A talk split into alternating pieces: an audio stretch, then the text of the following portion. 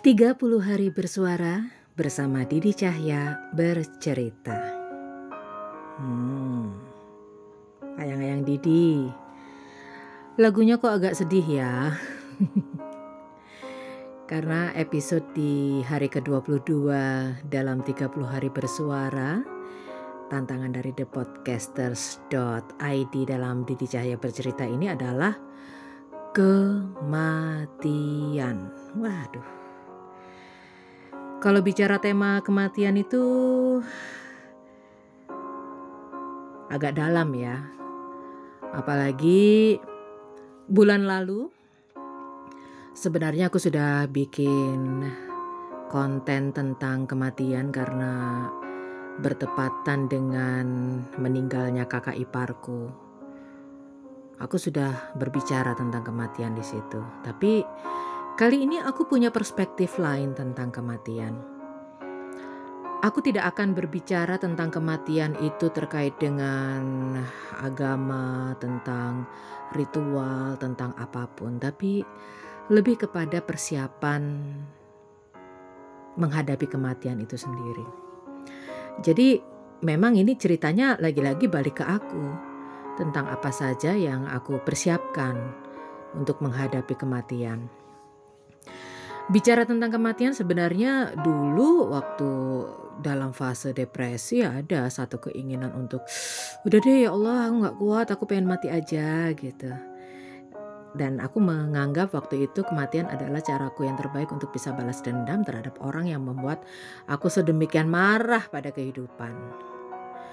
Tapi ternyata semakin kemari aku merasa aku tidak boleh kalah dengan diriku sendiri jadi belakangan aku lebih kepada pertempuran terhadap diri sendiri yang membuat aku merasa bahwa ya Allah, jauhkan dulu aku dari kematian, aku belum siap. Ya bekal pahala pasti belum cukup ya. Sekali lagi kalau kita bicara tentang kematian dari sisi agama, religiositas, jauh dari siap. Jauh dari siap. Makanya aku hanya membicarakan apa yang bisa aku lakukan semasa hidup, apa yang membuat aku siap gitu ya. Oke. Apa saja sih persiapan kematian itu? Ngeri ya temanya. Jadi di pertengahan tahun ini aku mengalami depresi berat karena memang ada permasalahan yang aku harus menghadapi sendiri dan it's hard to handle this thing gitu. Susah, berat gitu.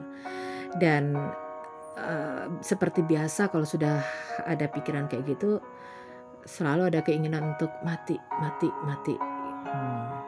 sampai akhirnya waktu aku nonton It's Okay to Not Be Okay di saat ada adegan mereka melakukan road trip yang uh, they're so happy banget.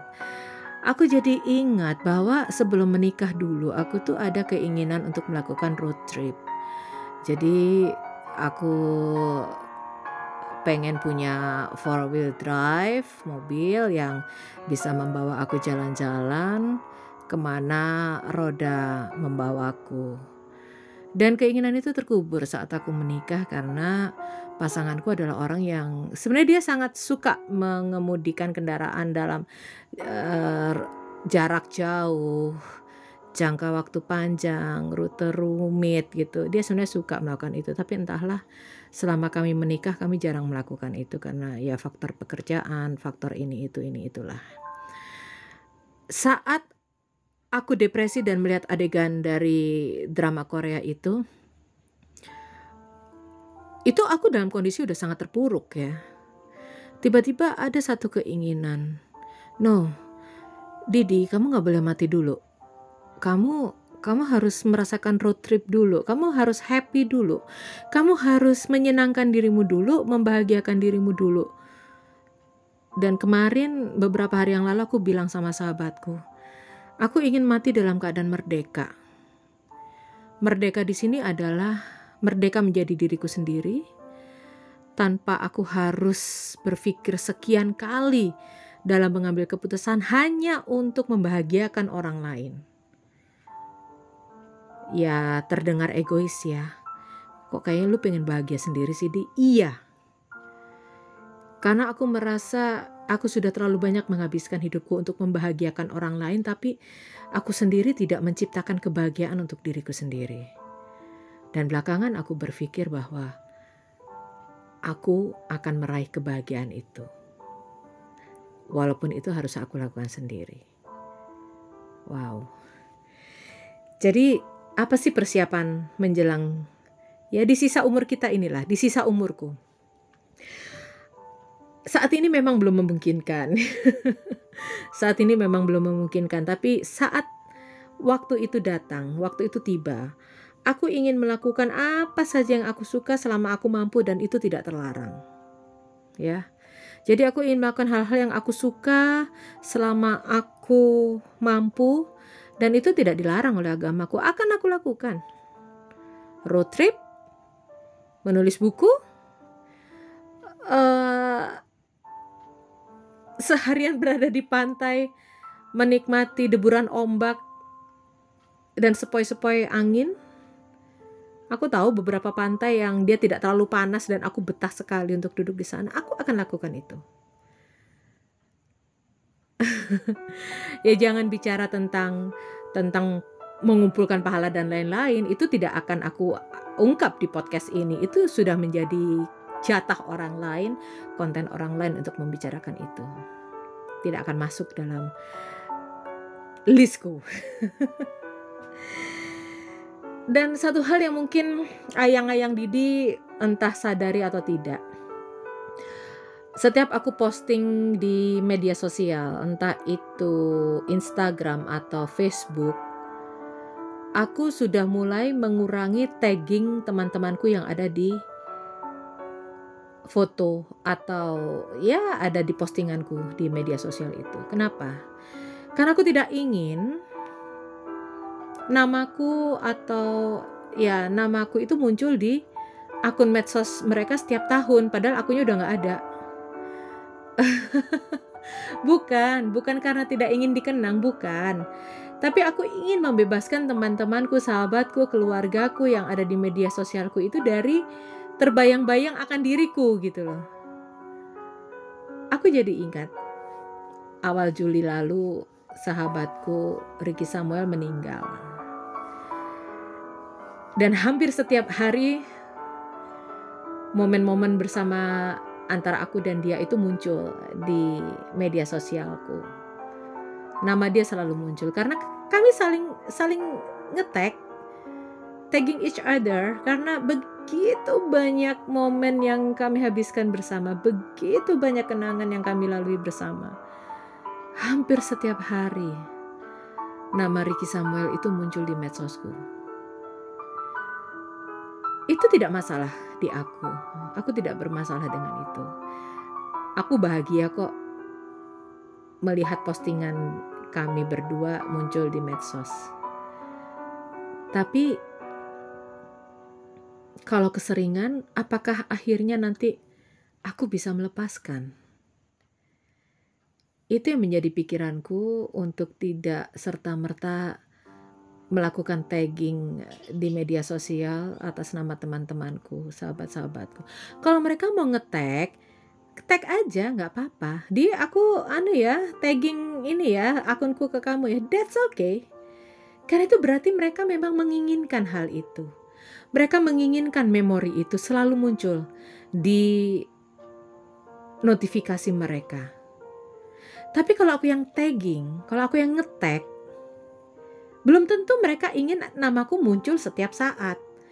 Belum tentu mereka ingin diingatkan bahwa ada diriku di masa yang lalu. Belum tentu mereka ingin itu. Jadi tahu bedanya ya ayang-ayang Didi, aku tidak akan melakukan tagging itu. Tapi kalau misalnya mereka meminta untuk tag themselves to their medsos, to their account, that's okay. Nggak apa-apa. Berarti dengan penuh kesadaran mereka ingin melibatkan aku dalam memori-memori mereka di tahun ke depannya.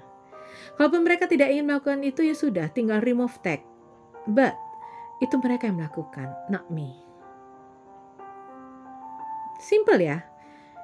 Tapi itulah salah satu persiapan yang aku lakukan supaya orang tidak selalu terbayang-bayang akan diriku setiap tahunnya hanya karena aku ngetek mereka dalam akunku. Sesederhana itu. Lalu persiapan kematian yang lain, jangan lupa bikin catatan utang. Simple loh ini. Jadi untuk siapa pun yang mendengarkan ini saat aku sudah nggak ada, sahabat-sahabatku, keluargaku, coba kalau handphoneku masih ada, uh, cari di note. Di situ ada catatan utangku. Aku utang sama siapa aja, tagihan mana yang masih harus diselesaikan, setiap bulannya berapa, itu ada di situ. Kenapa? Supaya kita tidak menyulitkan mereka yang kita tinggalkan saat ada yang nagih jadi sebelum ada yang nagih biarkan mereka membantuku yang sudah tidak berdaya ini karena aku sudah ada di dalam tanah untuk menyelesaikan urusan duniawiku. Nggak yang terkaget-kaget gitu loh, tiba-tiba ditagih debt collector, tiba-tiba ditagih orang. Dan kalaupun orang itu memutihkan utangku karena ya sudahlah waktu itu Didi butuh, sekarang Didi udah nggak ada, aku ikhlaskan. At least ada pembicaraan atau pembahasan secara lisan atau tulisan kepada ahli waris, kepada yang keluargaku yang ngurus bahwa ya di masa lalu Didi punya utang sama saya tapi sudah saya selesaikan lillahi ta'ala putih. Tapi kalau mau ditagih ya monggo, silakan. Nah, itu. Jadi jangan lupa untuk bikin catatan utang.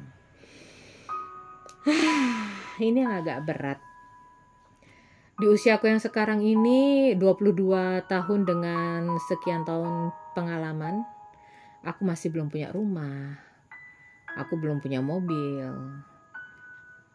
Tapi aku sudah bilang ke beberapa sahabatku bahwa kemungkinan aku untuk punya aset tidak bergerak berupa rumah itu kecil kemungkinannya. Kenapa? Karena aku nggak punya ahli waris yang ada hanya keponakan-keponakanku. Kalaupun aku berharta saat aku meninggal nanti dan itu memang memang keinginanku, aku tidak mau meninggal dalam keadaan miskin. Setidaknya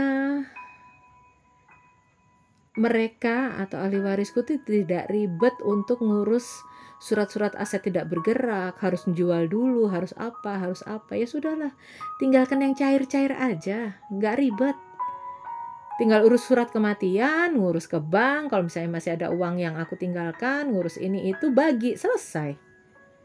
Gak ribet. Tapi kalau aku punya harta tidak bergerak sementara aku gak punya anak, aduh, kebayang. Ribetnya kayak apa? Nah, itu. Aku ya bodoh amat lah dengan investasi, investasi uangku nanti bermiliar-miliar juga gak aku bawa mati kok.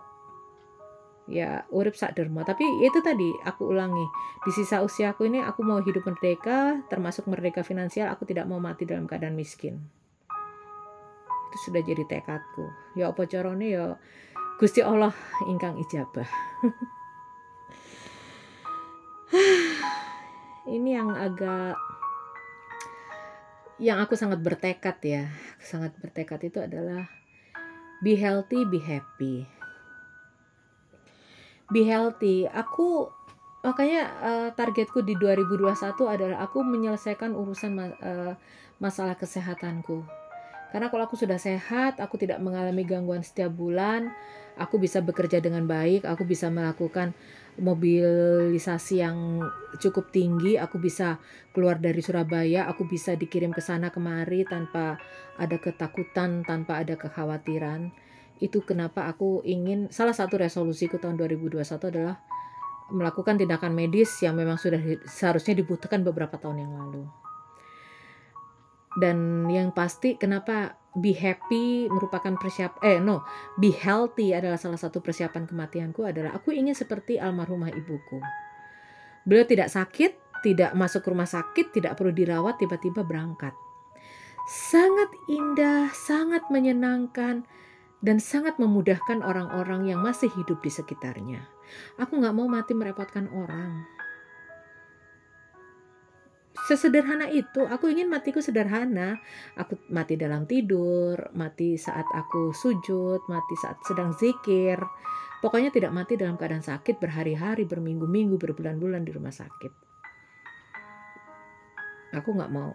Aku pengen matiku itu uh, cantik, sehat, cantik gitu. Pengen, pengen sih seperti itu.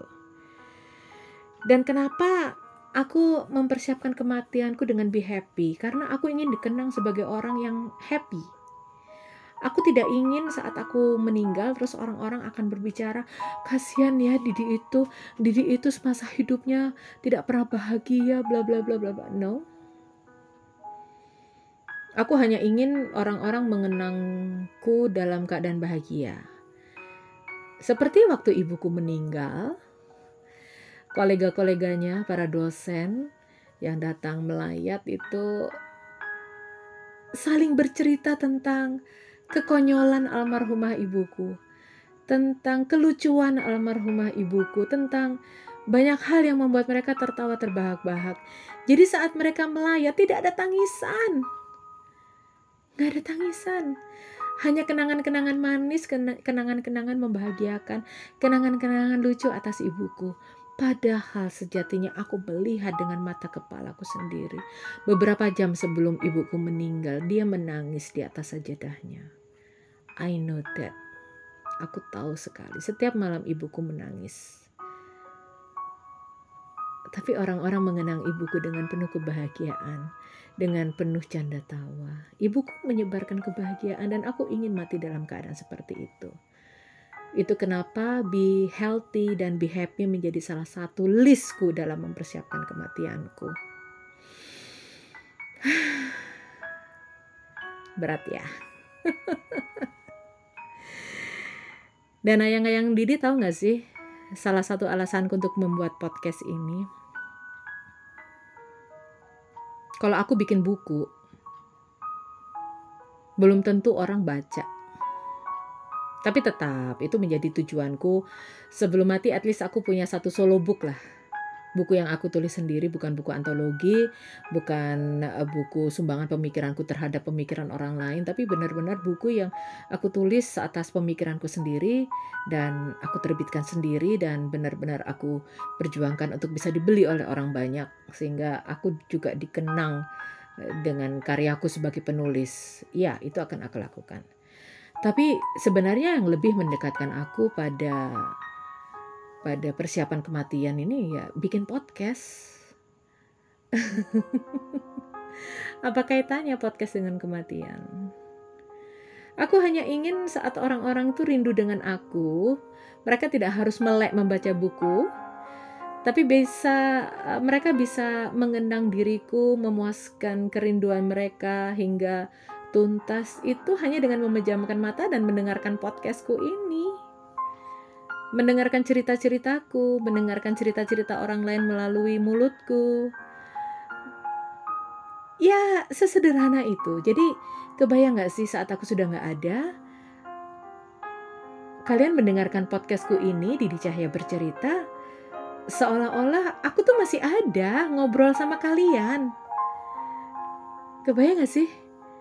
Iya nggak? Itu itu kayaknya kok lebih personal, lebih dekat gitu ya daripada aku memaksa kalian untuk membaca, untuk melek hanya untuk mengetahui pemikiran-pemikiranku melalui tulisan-tulisanku yang kuterbitkan dalam buku, dalam bentuk buku atau e-book lah. Tapi kan kalau podcast kayak gini kan bisa didengarin sambil leyeh-leyeh sambil ngopi sambil ya jelang jelang waktu tidur. Aku pikir itu akan lebih menyenangkan daripada semata-mata aku meninggalkan kenangan berupa berupa buku, berupa foto-foto, berupa video. Oke okay lah. Secara visual masih masih ada yang bisa kalian nikmati. Aku juga mikir apakah aku akan minta tolong seseorang untuk mendeaktivasi akun media sosialku ya saat aku meninggal. Tapi kalau misalnya itu akun itu dideaktivasi, kasihan dong untuk kalian yang lagi kangen pas aku udah gak ada. Gak ada kelucuan-kelucuan di memori kalian melalui medsos yang biasanya keluar setahun sekali gitu kan.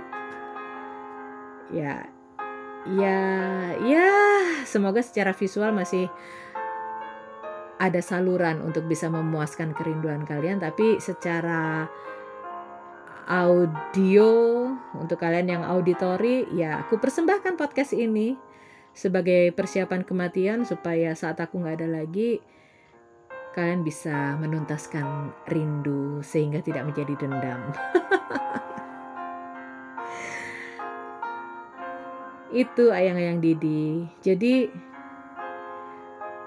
aku sadar bahwa bekalku untuk akhirat itu masih belum cukup, jauh dari cukup. Tapi setidaknya untuk urusan duniawi, ini persiapan yang bisa aku lakukan untuk kalian. Jadi kalau pas aku nggak ada, iya, aku tetap berada di tengah-tengah kalian di podcast ini. Itu aja sih. Jadi aku tidak bicara tentang kematiannya, tapi lebih kepada apa yang aku persiapkan sehingga saat aku nggak ada nanti aku tetap berada di hati kalian. Gitu nggak sih? Ya wis segitu aja obrolan kita. Kok obrolan sih? Orang aku monolog kok. Segitu aja uh, pembicaraanku. Eh pembicaraan uh, episode kali ini tentang kematian. Aku berbicara tentang persiapan kematian. Semoga bisa menginspirasi. Mungkin ada hal-hal yang ingin kalian tuntaskan sebelum akhirnya pulang ke keabadian. Semoga tetap sehat, tetap happy. Selamat sampai tujuan di akhirat nanti. Bye, ayang-ayang Didi. Be healthy, be happy ya.